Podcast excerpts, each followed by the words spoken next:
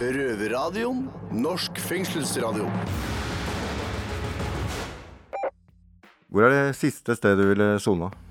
Ja, si det, men eh, når man ser på fengslet i utlandet på National Geographic, så er det jo mange kjipe steder man kan havne. Men hvis du sjekker topplisten over de verste fengslene i verden, så er det mange av dem som er i Afrika.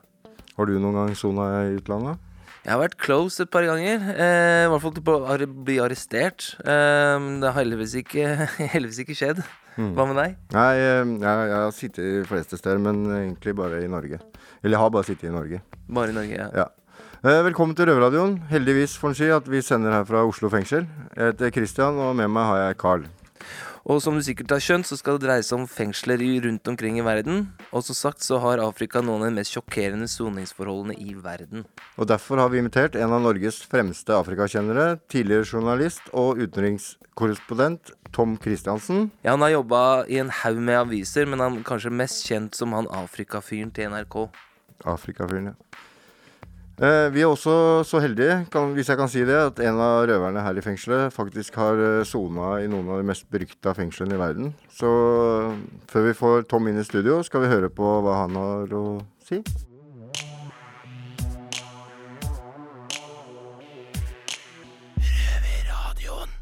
Hva gjør man hvis man blir fengslet i utlandet? I dag så har vi med oss en som har vært litt, litt uheldig og, og har sittet eh, litt i utlandet. Hei, Ole. Hei sann. Alt bra? Ja da, alt bra. Du, du sa litt uheldig. Jeg vil ikke si at å være uheldig hvis du har fengsla tre ganger, da. Nei, Nei. Det, nei men det, det er dine ord, ikke sant? Ja. Men det er uheldig. Fordi vi har det ganske fint her i Norge. Eh, fengselsmessig, tenker jeg. Selv om folk ikke vet om det, så, så er det akkurat som en firestjerners hotell, da, hvis du sammenligner ja. med andre land i verden, ja. Ja, det er sant. Så hvilken, hvilken land eh, er det du har sittet uh, i Eller det første landet du satt Du var i utlandet, og du satt i utlandet. ja. i hvert fall det jeg kan nevne, så var det Frankrike. Så det var det første. Ja. Når var det her? Det var i 2007 til 2008. Wow. Så jeg satt der åtte-ni måneder. For jeg var ettersøkt av Interpol, Ja. eh, og så ble jeg arrestert på flyplassen. Eh, Flyplassen der nede? Eh, ja, i, i Paris. Ja. Eh, og så ble jeg frakta først til et eh, tilsynelatende vanlig fengsel. Ja. Eh, så ble jeg ved en feil overført til et sånn halvmilitært fengsel. Som paramilitær Eh, eh, ja, eh, og det ble kalt La Santé, eh, og det betyr på fransk sykehuset. La Santé. Ja. Og så andre, andre gangen du var uheldig. uheldig. Det var i Thailand. Det var i Thailand, Thailand, Thailand, ja. Thailand. Og det var vel desidert verste, vil jeg tro. Hvor var det her i Thailand? Det var i Bangkok, Ja, eh, og dette var i eh, 2010. ok. Ja, eh, og først så så jo alt tilsynelatende bra ut, for jeg kom på et sånn såkalt turistfengsel. ok. Helt til en eller annen fant ut at uh, jeg sto uh, At jeg hadde stikket av fra fengselet i Norge, da. Så jeg sto med høy, uh, høy Rømningsfare? eh, Ja, høy remningsfare. Ja. Så jeg husker han ene offiseren kom bort til meg og, og, og sier noe sånn som i den duren her at You no stay here. You escape master. You go Bangkok Hilton. jeg, jeg glemmer ikke det den dag i dag, altså. Så da ble du flytta med en gang. Ja, da ble jeg flytta til en av de verste fengslene i verden, og det er Bangkok Hilton. Kan ikke du prøve å forklare eh, hvordan det var å sitte der, på en måte hvordan det så ut, stemninga, lukten, menneskene? Ja, altså det første du gjør da, eh, det er at eh, fra, fra da turistfengselet, om jeg kan bruke det uttrykket, Mm. så blir du på en måte stua inn i sånn noe à la kuvogner, sånn som de brukte når de frakta, frakta jødene til Auschwitz, da, uten Ja. noe sammenligning for øvrig. Ja, men, men, men dette var på en lastebil, Ja. så det er det første du opplever. Du står Med gitter sammen, på lastebilen og sånn. eh, Ja, så, Så du står Blir du stua kjørt rundt i byen? ja, du blir stua sammen, og det er vel kanskje en 30-40, noen gang 50 mennesker. da. En Oi. lett blanding av alt mulig rart. Herregud. Eh, og så kjører du eh, Det er jo ca. fra det turistfengselet, så er vel en ja, i Bangkok-trafikken en times stien. Mm. Eh, og så kommer du eh, fram, og det synet som møter deg da, er ganske sånn frykt inngytende, da, om jeg kan bruke det uttrykket. ja. Svære porter, altså mugne vegger. Herregud. lukta av råte, piggtråd overalt, Ja. vakter, altså you name it, altså. Ja, ja. Eh, og så passer du gjennom eh, døra, og så har du da en ja, hva skal jeg si, en sånn innsjekkingsprosess, da, jeg Ja. kan bruke det uttrykket. ja. Hvor du går gjennom, du blir eh, eh, Altså, du får mulighet til å dusje deg, eller rettere sagt, du blir spylt ned med en brannslange, da. Seriøst? Ja, ja. Og så får du Får du en sånn pulver eller en sånn avlusningsgreie Ja, ja. de eh, hiver på deg. Ja. Eh, og så får du eh, da klær, da. Altså sånne der, eh, shorts og, og sånne der, eh, trøyer. Da, Hvilken farge var det på disse klærne? Det var De, vel eh, de som jeg hadde, var uh, oransje, ja. Ja, jeg har, sett, jeg har sett mye på TV. Og så er det det aller verste, da.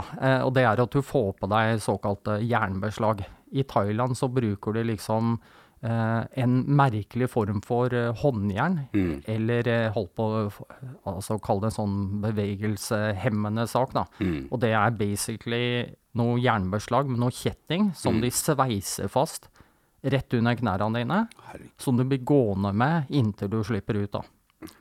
Eh, og bakgrunnen for at de sveiser dette fast, det er vel sikkert fra gammelt av at, eh, Mm. at uh, de fleste da, som i utgangspunktet skulle ha, ha dette på seg, de veldig ofte har en ganske lang straff. Mm. Slik at uh, det er liksom Så ikke de har mulighet til å kunne stikke av. Ja, ja rett og slett. Mm. Eh, ja, eh, da gjør man det, og så Inntaksavdelingen, da. Da sover du basically ute. Mm. Altså den første tiden, inntil de har liksom fått et, finne et sted du kan eh, være på, da. Så hvor lenge var du ute på denne gårdsplassen? Jeg var der i ukes tid, omtrent. Ok, og Før så jeg fikk en uh, plass. du flytta inn, da? Ja, da fikk jeg flytta inn, ja. Herregud. Jeg ble bare litt satt ut nå, fordi jeg tenker kjære gud.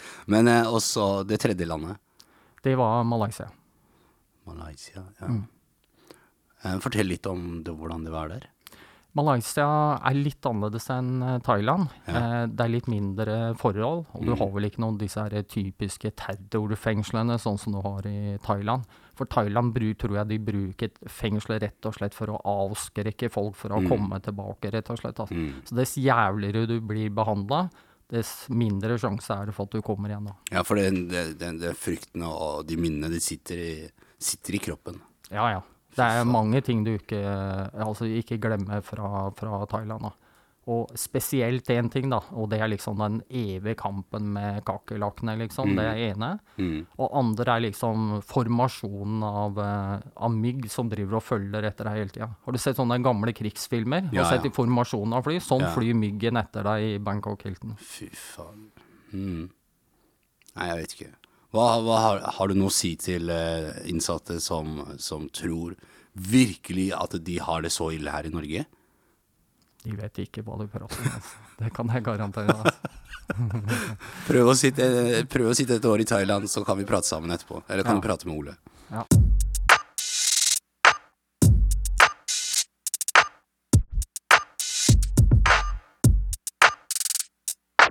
Når jeg hører alt det han forteller, så for meg glad jeg ikke har vært i trøbbel i utlandet. Altså. Nei, det er kanskje en av de få fordelene med å ikke få lov til å forlate Norge. Det At du ikke kan havne i trøbbel eh, der. Ja, ja. Eh, takk, staten. Eh, Men en som har vært mye i utlandet, er gjesten vår som straks kommer i studio her. Er det noe spesielt du har lyst til å spørre han om, eller? Han må jo ha sjukt mye crazy stories, så Det tror jeg, men vi må få han til å fortelle noe også, da. Ja, jeg hadde litt planer om å spike kaffen hans med litt antibac. Kanskje det ville spice opp eh, Fengselskarsk. Fengselskarsk, ja. Mm. Nei, det blir spennende å høre hva han har å, har å si. Det blir bra. Ja. Det er nesten litt vanskelig å gi en eh, passende introduksjon, men du er nylig pensjonert eh, journalist og har vært Afrikakorrespondent i NRK i mange år. Velkommen. Takk, Ja. takk. Du er jo en av de fremste afrikakjennerne i eh, Norge. Eh, hva var det som gjorde at du blei så fascinert av akkurat Afrika? Ja, Det er litt tilfeldig, men det er en blanding av uh, interesse for frihetskampen som var i Afrika. Eh, det humanitære ved Afrika. Pluss musikken og alt det der folkelivet. Og etter at jeg kom til Afrika første gang i 1990, så ble jeg jo helt fengsla av folket, afrikanerne, som eh, er eh, I det ene øyeblikk kan det være veldig brutalt, i neste øyeblikk så er det bare kjærlighet og dans og musikk og, og sånn. De husker hva du heter hvis du ikke har sett dem på et år. De, du blir tatt på en måte inn i familien. Det er det som har gjort at jeg har blitt veldig glad i Afrika. Mm. Er det noen spesielle land du er spesielt opptatt av? Jeg er jo spesielt opptatt av Sør-Afrika, siden kona mi bor i Sør-Afrika, og jeg har bodd der. Jeg har også bodd i Zimbabwe. eh, Jeg har bodd i Sør-Sudan.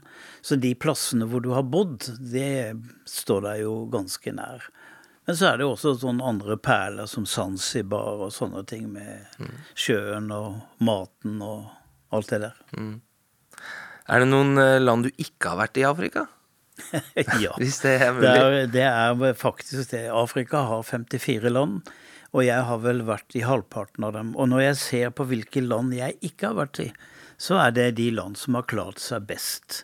Sånn Botswana og en del andre. Ikke sant? Der har det ikke vært konflikter.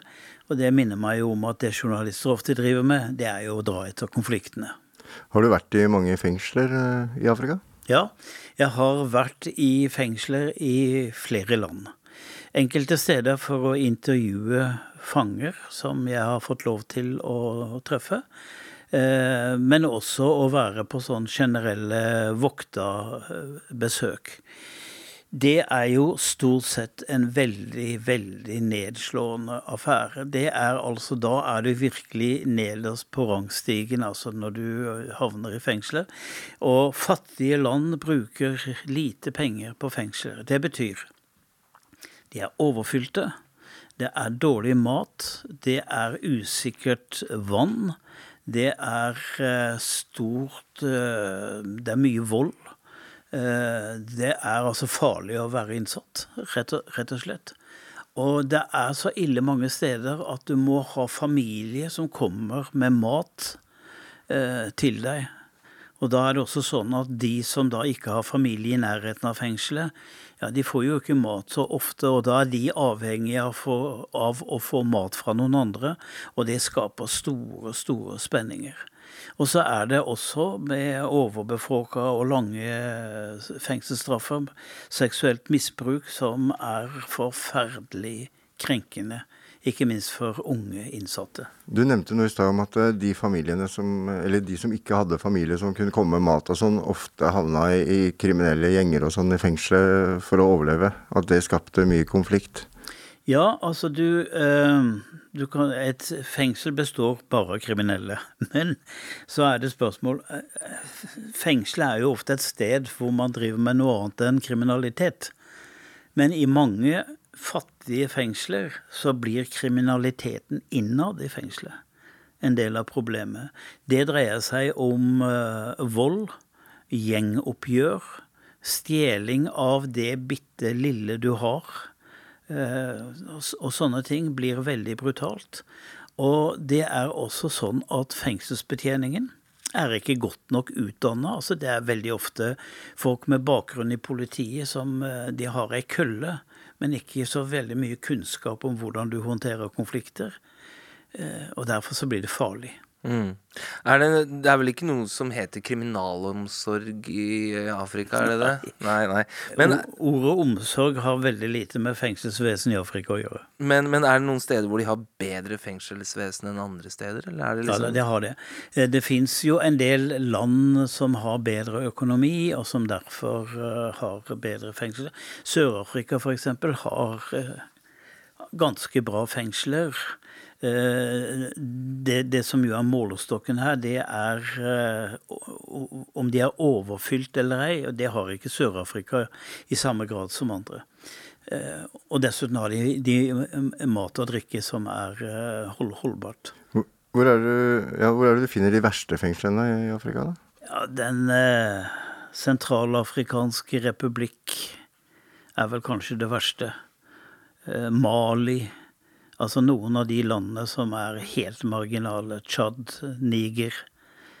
Der er det ganske ille. Eh, jeg har snakket om maten, men sykdommer. Altså det er rotter, det er malariamygg, folk blir sjuke. Og så blir andre sjuke igjen, så blir man smitta, og så går det altså som den rene pesten i fengselet. Så det er eh, Fordi standarden er helt, helt nede. Mm. Vi har jo eh, prøvd å lese oss litt opp før du kom, og det er jo vanskelig å komme unna Idi Amin. Eh, mange kjenner kanskje han fra eh, filmen eh, The Last King of Scotland, tror jeg den heter. Ja. Som er en ganske kjent film, og han var jo en diktator i, i eh, Uganda. Eh, han hadde noen veldig berykta fengsler hvor han hadde politiske motstandere fanga, og du har vel vært der? Ja, altså, Idi Amin var jo ganske gal. Han eh, utpekte seg selv som herskeren på jord, som kongen av Skottland. Og han sa at siden dronning, eh, dronning Elisabeth kan være dronning for Uganda, da kan vel jeg være konge av Skottland. Så han kalte seg for det. Han lagde masse sånne medaljer som han hadde, så han måtte forlenge eh, frakke, frakken sin for å få plass til alle medaljene han hadde, han hadde lagd sjøl. Herskeren på jord og til vanns. Og han hadde ingen begreper om rettferdighet, slik at det var ministre som ble kastet i vannet rundt eh, boligen der han bodde, og der var det krokodiller, så de ble spist. Han etablerte en rekke fengsler som var underjordiske. De var like i utkanten av hovedstaden Kampala. Eh, De var nesten usynlige. Det var bare en sånn liten nedgang som du kunne se, og så var det masse bush rundt. Og folk visste ikke at det var fengselet, for det var jo ikke noen vinduer eller eh, sånne ting.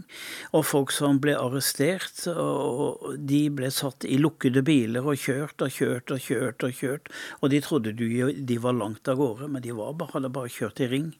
Og de var bare inne i Kampala.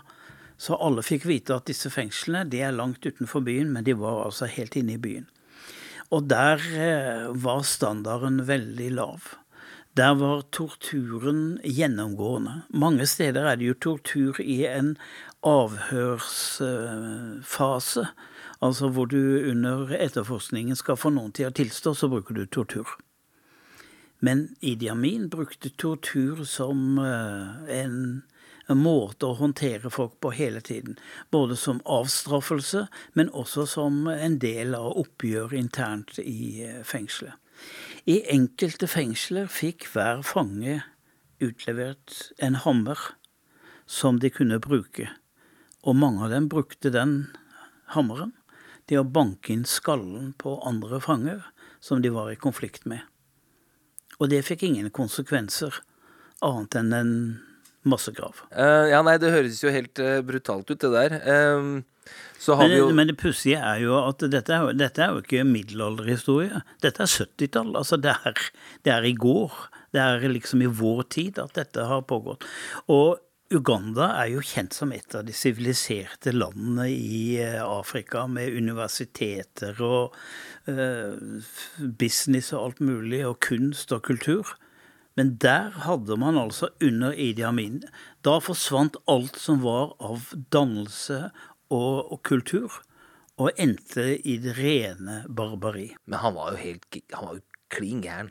Klin gæren, og så ble han avsatt, og så endte han i Saudi-Arabia, hvor han gikk rundt seg selv i mange år, og så døde han for ikke så lenge siden.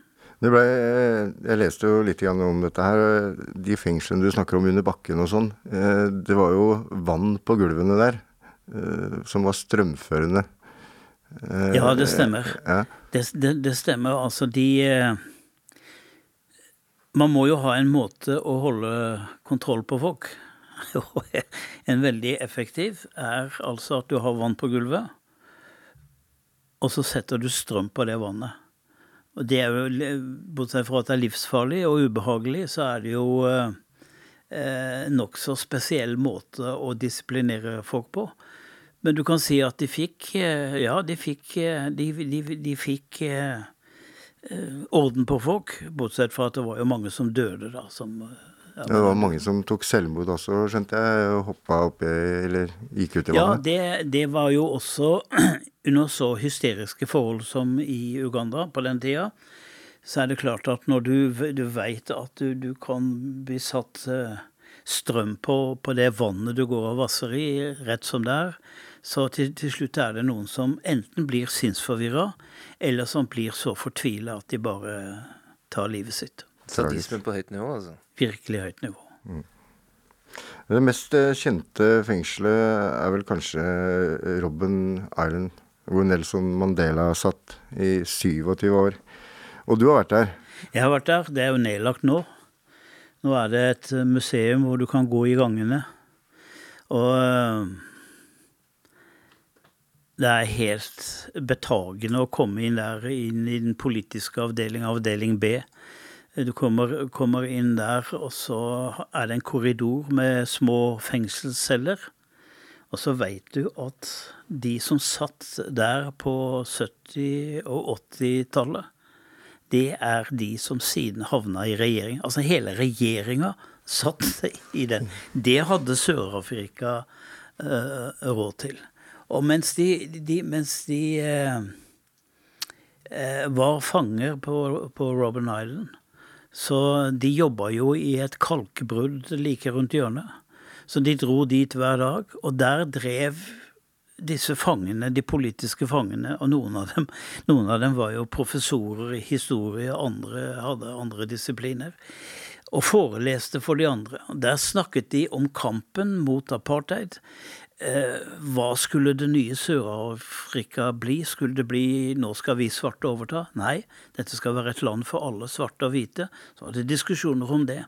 Og fangevokterne var så interessert i dette at de satt og hørte på og lærte veldig mye, og bare sa ifra hver gang inspektørene kom for å, å, å se til dem.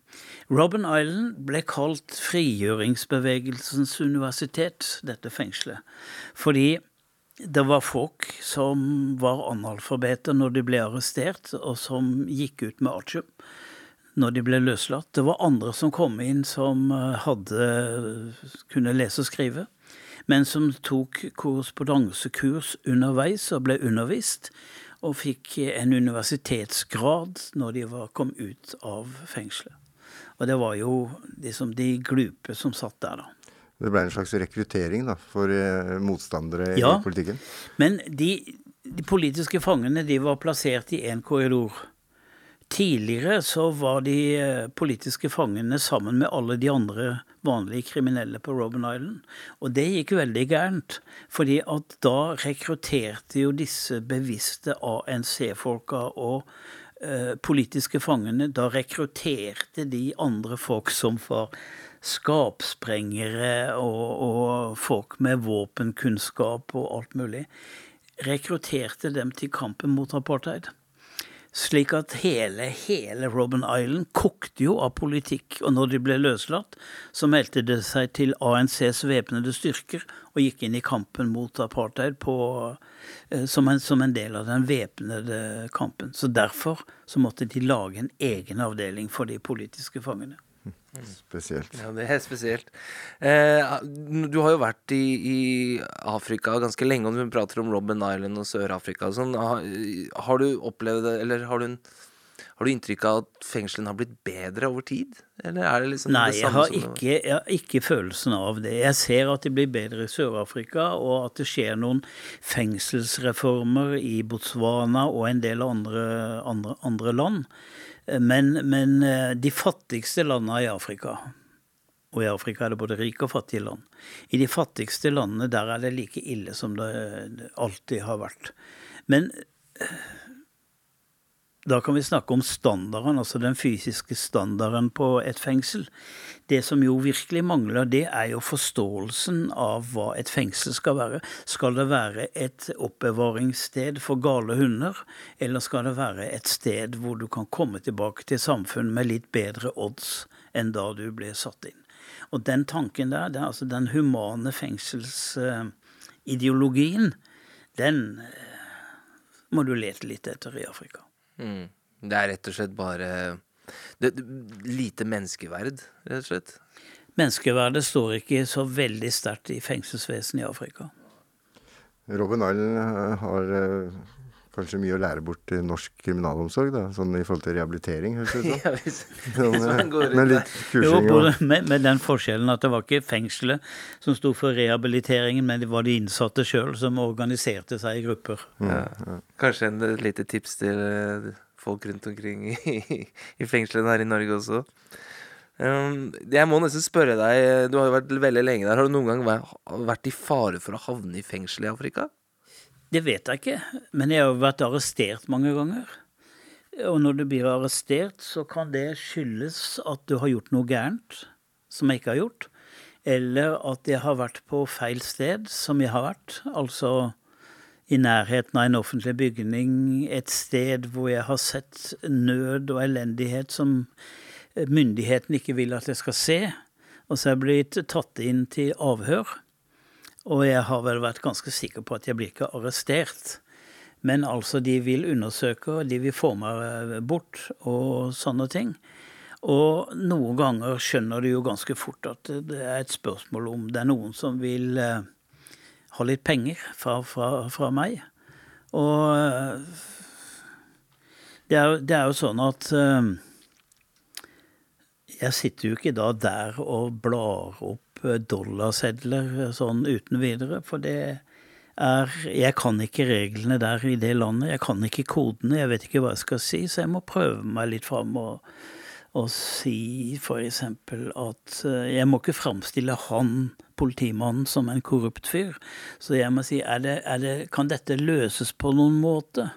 Eh, er det noen bot som skal betales? eh, bot i gåseøyne, osv. Men, men har du vært i en situasjon jeg må spørre da, hvor du har måttet kontakte NRK for å få økonomisk hjelp eh, for å komme deg ut av en eh, situasjon du er i med politi? Nei, men jeg har, jeg har hatt eh, penger Ja. og betalt meg ut av det. Og jeg har da sendt reiseoppgjør hvor det på kvitteringen står uh, uformelle gebyrer 100 dollar. Ja, for det er jo en del som er Jeg har også vært veldig mye i Afrika og kjenner jo til akkurat det du sier der. At det gjelder å, å komme seg ut av situasjonen så fort som mulig. Eh, når man på en måte møter politiet der. Eh, ofte så er det jo sånn at de ser muligheten. Veldig ofte så ser de også muligheten til å tjene penger. Jeg har jo opplevd f.eks. å bli stoppa av politifolk som liksom sier 'Hvorfor tok du på deg sikkerhetsbeltet akkurat når du så meg?' når jeg vet at det er sant. Eh, og, og, men veldig ofte da så har jeg liksom min, mitt beste tips er jo det liksom å spørre om man skal drikke te sammen. Det er en ganske bra introduksjon til eh, forhandlinger om eh, Ja, Og så gjelder det å betale så fort som mulig, for jo lenger inn i systemet du kommer, jo flere må du betale. og hvor lenger du er der, er det flere som hører om at eh, det er, eh, her er det ei rotte vi kan eh, flå. Flå, ja. Riktig. De er, de er glad i pengene sine. Og det, det er jo forståelig, for det, det er jo politi og andre sånne offentlige tjenestemenn der nede er jo veldig dårlig betalt. Det er sånn at noen ganger må du betale for å få de tjenestene som du egentlig har krav på. Og så er det andre ganger at du betaler eh, for å slippe inn til steder hvor du egentlig ikke har eh, eh, rett til å være, eller eh, Altså, du skaffer seg fordeler. Ofte er den uh, betalinga en form for uh, uh, Jeg kom til Sierra Leone, og han i, eh, i eh, På immigration, han, eh, han skal ha ti dollar. Jeg betaler han ti dollar, og så sier han bak meg i køen, som eh, er kjent på stedet Du skal skjønne det at han som sitter der, han er en tjenestemann som har en uniform, men han har ingen lønn. Den lønna må han skaffe selv. Og da syns jeg det er helt greit å betale ti dollar for uh, å få et stempel i passet. Men er dette første gang du er i et norsk fengsel? Ja, dette er første gang jeg er i et norsk fengsel, og jeg er blitt tatt veldig pent imot, altså. Det må jeg si. Uh, Jeg har sett eh, andre fengsler som eh, Jeg har ikke sett eh, matfatet. Eh, Jeg vet ikke hva dere spiser her, og jeg har ikke sett rommene osv., men jeg har gått litt i korridorer. Men det er, det er jo et veldig hyggelig fengsel, da. Det Det jeg har sett. Er det stor forskjell på, på de fengslene vi har snakka om nå, da, som du har sett i Afrika, uh, framfor det du har kommet til nå? Ble du overraska? Var det veldig fint her, eller? Nå tror jeg at jeg vel har gått jukseveien inn til dere. For jeg har vært gjennom litt sånn kontorkorridorer og litt sånn. Jeg regner med at det er andre deler av fengselet. Men når jeg har vært i afrikanske fengsler, så er det to ting som jeg prøver å holde fra hverandre. Fengselet kan være veldig nedslitt og veldig stygt å se på og sånne ting. Det betyr ikke at det er eh, et forferdelig fengsel. Det andre som er viktigere å se på, det er hvordan blir folk behandla der. Mm. Hvor overfylt er det, osv. Og, så og da kan et fengsel være så nedslitt det bare vil, hvis det er en viss kontroll eh, på stedet og ikke for eh, overfylt. Det er helt riktig. Akkurat sånn er det i Oslo fengsel òg, som mm. er det mest nedslitte fengselet du finner i Norge. Eh, men allikevel en av de bedre stedene, syns jeg i hvert fall, å sone, faktisk. Eh, I forhold til de moderne hvor du har dusj på cella og alt det der. Eh, her er det felles dusj på én avdeling. Alle på avdelinga må dusje. 23 stykker på én dusj. Cellene er slitne. slitne. De er mørke, de er ødelagte, men eh, altså, det drypper fra taket om sommeren når det ikke regner, når sola skinner. Altså, det er sånne ting, men allikevel Fascinerende. Ja. Men, uh, men jeg, må jo, jeg, må jo, da bare si uh, om, om fengsler i Afrika at de er folk mer kriminelle i Afrika enn andre steder. Det er mange som drives inn i kriminalitet pga. At de har ikke penger. De har ikke et liv. Men de største forbryterne i Afrika, de sitter jo ikke i fengsel. De sitter jo på presidentkontorer og offentlige kontorer, i offentlige stillinger, i regjeringer.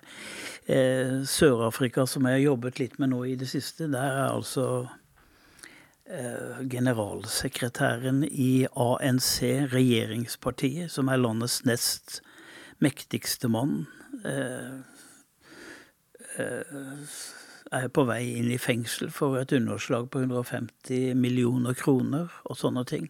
Og sånn finner du det hele veien. Så de største forbryterne, de har slips. det er sånn, sånn er vel flere steder i verden. Men det er vel sånn spesielt også i Afrika at i hvert fall etter min erfaring, at det er gjerne sånn at det er rett og slett Du har forskjellige politiske partier. Og så har du da også på en måte Og de har ofte sånn stammetilhørighet. Og jeg har liksom inntrykk av det at eh, veldig ofte at liksom, som du sier, at det er jo liksom fullt av Alle er kriminelle. Og det er gjerne sånn at når det er et presidentskifte, eller liksom sånn maktskifte, så blir gjerne da motparten Da blir hele gjengen samla opp for korrupsjon og, og, og, og, blir satt i fengsel og straffa og beslag og alt mulig sånn. Og så når det neste gang da liksom de andre tar over igjen, så er det den andre igjen som da på en måte blir Men så lenge man sitter med makta, så er man jo nesten si, untouchable, som det nesten Ja, altså ikke bare i praksis, men formelt. Da har man et amnesti. Og det er jo derfor en del afrikanske ledere hele tiden holder seg til makta. De må ikke tape, fordi at hvis de taper, da blir eh, det amnestiet de har, borte. Robert Mugabe. Han måtte bare sitte og sitte og sitte, hvis ikke så åket han rett i eh, kasjotten. Eh, og han gikk av til slutt mot at han fikk eh, beholde det amnestiet. Al-Bashir i Sudan holdt seg ved makten 30 år fordi han visste at hvis ikke, så ryker han rett i den internasjonale straffedomstolen i Haag. Så det er rett og slett kriminelle hele gjengen? Ikke hele gjengen, men en del av dem. Er, er, det, no, er, det, noen, er det en, noen, politikere som du vil si ikke som du kjenner til? Som ja, jeg har truffet politikere som er helt ukorrupte, altså. Oi. Og som har høy standard. Ja. Og som uh, er Og jeg, altså jeg var jo i en, i en, tid rådgiver for en president i Sør-Sudan, uh, Salwa Kiir. Og da jeg var der, så var han helt ukorrupt. Jeg kunne se han i kortene, og det var ingenting der som uh, var noe å kikke på. Det forandra seg noe seinere. Det var ikke fordi jeg slutta der, men seinere så har på mange ting rast sammen. Mm. Men i Sudan litt lenger opp, nå har de fått en statsminister der som er eh, absolutt hele ved, altså. Er de politikerne som er korrupte, og de som ikke er det, er det, er det stor altså Har de noe kontakt i det hele tatt? Hvordan er forholdet dem imellom? Du ser ikke den korrupsjonen. Og den korrupsjonen, den er så flytende at du har ikke noe føling med det. Eh, Det er ikke alltid at det er en president som sitter og inngår sleipe kontrakter som Jakob Zuma drev med i Sør-Sudan. Det kan være penger som går inn på en konto du har i utlandet. Det kan være kamuflert som uh, du trenger et hus. Uh, Du har levd i relativ fattigdom. Uh, Du får litt hjelp til ungene og deres utdannelse. Altså hvor går grensen mellom korrupsjon og ikke-korrupsjon? Det er Det er ikke sleipe ting som skjer i mørket. I, i eh, mørke kjellere. Dette er ting som du må lete i regnskaper for å finne, finne ut av. Har det blitt en slags infrastruktur Ja, i nettopp, korrupsjon? Ja. Eh, en ting som har sjokkert meg litt når jeg har vært i Afrika, eh, det har vært liksom det der med at veldig ofte så går det ikke så langt at man faktisk blir arrestert og man havner i fengsel og sånn. Det er terskelen for at vanlige mennesker griper inn og, og på en måte hva skal vi si, håndheve loven selv, da, er jo mye lavere der, har jeg inntrykk av. Jeg, mener, jeg har jo sett flere lynsjinger der, hvor rett og slett helt vanlige mennesker da går f.eks. etter en tyv og rett og slett henretter han på stedet. Ehm, det der med lynsjinger, som jeg også har sett, ehm, det tror jeg har veldig, veldig mye med menneskets natur å gjøre. Altså, du kan gå til en skolegård og se unger begynner å mobbe noen. Og det kan være stygge gjengoppgjør, eller eh, altså at man hiver seg over en enkel. Det du kan se, det er folk som er fattige, som ikke har utdanning, som ikke har noe å strekke seg etter, som har mista alle muligheter, som er blitt krenka, som vet at de aldri vil få sin rettferdighet noe sted, de kan plutselig hive seg med i et eh, oppgjør mot en eller annen som har stjålet noe, eller stjålet skoa til noen. Og det kan jo ofte ramme ganske tilfeldig. Helt tilfeldig. Helt tilfeldig. Og, det, er, og det, det som også sjokkerer meg, er liksom det at vi snakker om helt vanlige mennesker. Kvinner og menn, og liksom som på en måte i, i vanlige klær. Og, liksom, og det, det skiftet, det skjer veldig, veldig Så fort. går de hjem og lager middag og leser lekser med ungene. Ja, er, jeg, jeg, husker, jeg husker en gang jeg, var, Det var i Zambia. Så satt vi, og da var det si, en sånn der, som jobba med, med film og video. Veldig streit fyr med briller og alt mulig sånn universitetsutdanna. Og så kjørte vi liksom eh, Og så så vi Vi kjørte bil, han kjørte, og så så vi liksom en sånn lynsjing på eh, På siden av veien, da, og, uten at vi stoppa og sånn. Liksom så så han bort, og så kommenterte han liksom I love myself a good lynching sometimes. Og det var liksom og jeg husker liksom bare hvordan jeg liksom Hva? Hvordan kan liksom noen si det? Liksom en, en jeg hadde ikke noe inntrykk av at dette her er en person som kunne gjort en flue fortred. Men jeg har jo sett noen sånne opptøyer som har, vært, som har begynt som en sånn politisk reaksjon mot en eller annen. Og hva ender det med? Plyndring av supermarkeder, hvor folk bærer TV-er ut av de knuste vinduene. Altså Det begynner som en politisk reaksjon og ender som ren plyndring. Ja, er, Man har jo kanskje sett litt tendenser av det, som faktisk til og med i USA. Ja da, det har man sett. Og det er, det er jo også demonstrasjoner her i landet som noen har mista kontrollen over. Og så blir det en brutalitet som de involverte etterpå ikke skjønner at de har vært med på. Nei. Man skulle jo kanskje tro at når det er sånne lynsjinger som dere snakker om nå, at eh, politiet på et eller annet tidspunkt kommer og bryter opp, men jeg skjønte at det, det skjer ikke. Det kan ta sin tid i så fall. Jeg tror som denne personen er vel død før politiet kommer fram. Man ser sjelden politiet i, i, eh, i Afrika, i hvert fall etter min erfaring. Nei da, det er jo, det er jo Altså, du Ikke sant, du, begynner, du banker opp folk på steder hvor politiet ikke er, og så eh, Ja, altså hvis en politibil der kommer da, og ser 100 mennesker i totalt opprør, altså da trenger du mer enn deg selv og han ved siden av deg i bilen. Så det er farlig å gå inn i sånne situasjoner. Så da kan det godt være en politimann snur ryggen og går en annen vei. Men har du vært i noen sånne situasjoner på jobb eh, der nede hvor du har vært virkelig, virkelig redd for livet ditt? Ja, det, har- det, har, jeg, det, har, det har jeg vært. Det har er ved ved to typer anledninger. Den ene ved bombeangrep, hvor du liksom ser flyet opp på himmelen. Og så er du på en åpen slettelandskap, og så hører du den der plystrelyden. Og du veit at nå kommer en bombe. Eh, og du vet ikke hvor den lander. Så det er bare å hive seg ned. Og de- de bombene i Sør-Sudan som De landa 50 meter fra der jeg var, 100 meter fra der jeg var. Du blir aldri truffet av en bombe, men alle splintene er det som du blir drept av. Og de føyk over hodet vårt og inn i bilen vår, så det var ikke så enkelt. Den andre typen er eh, når det er en demonstrasjon som går av skaftet.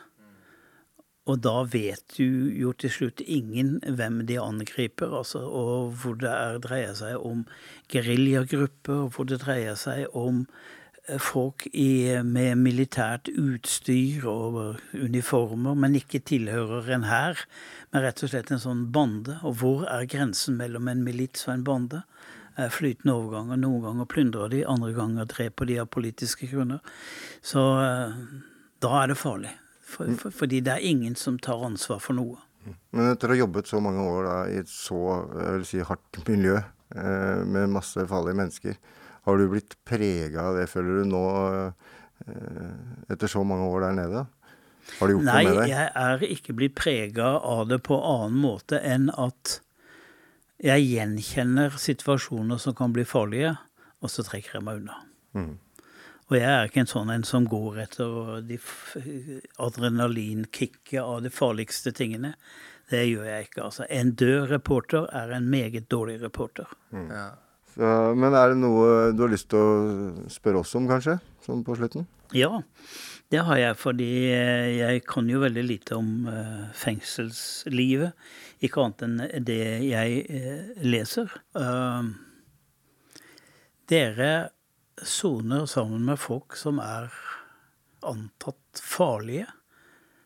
Er det noe du går og tenker på i det daglige på fengselet? Det som er så kanskje overraskende for deg, da, det er at alle disse farlige folka, de er innerst inne veldig bra folk.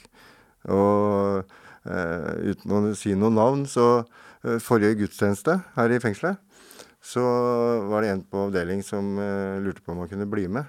Han er muslim egentlig, men han ville være med i gudstjenesten. Og han eh, Jeg trodde han spøkte og spør ja, skal jeg spille litt piano for dere, eller gutta? Og han begynte å spille.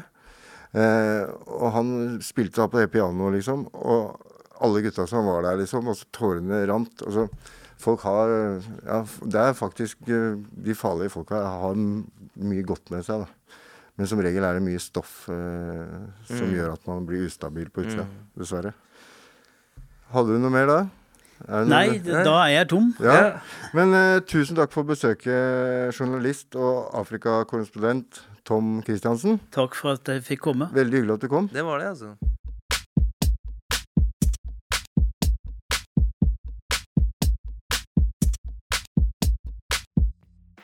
Ja, det var det vi hadde denne gangen. Uh, har du gjort noen refleksjoner du, Carl? Jeg syns det der med Robin Island var ganske spennende. Det at uh, faktisk eh, så mange av de som satt sammen uh, på avdeling der, endte opp med å sitte i regjering og liksom styre hele landet etterpå. Det er ganske Sinnssykt. Det er sinnssykt. Ja, det er sinnssykt. Og at, altså, at de som gikk inn som vanlige folk, på en måte kom skolerte ut derfra igjen med utdannelse og greier, det er jo helt uh, vanvittig. Ja, til og med fengselsbetjentene liksom fikk seg en Ja, at det de var med på laget, liksom. Ja, Eh, sinnssykt. Fascinerende greier. Så eh, yes, da er det over for denne gang. Men hvor kan man høre oss? Du kan høre oss på NRK P2 søndager 2030, eller på podkast når du vil, hvor du vil, hvis du ikke sitter inne. Ja, Og hva skal du på cella nå?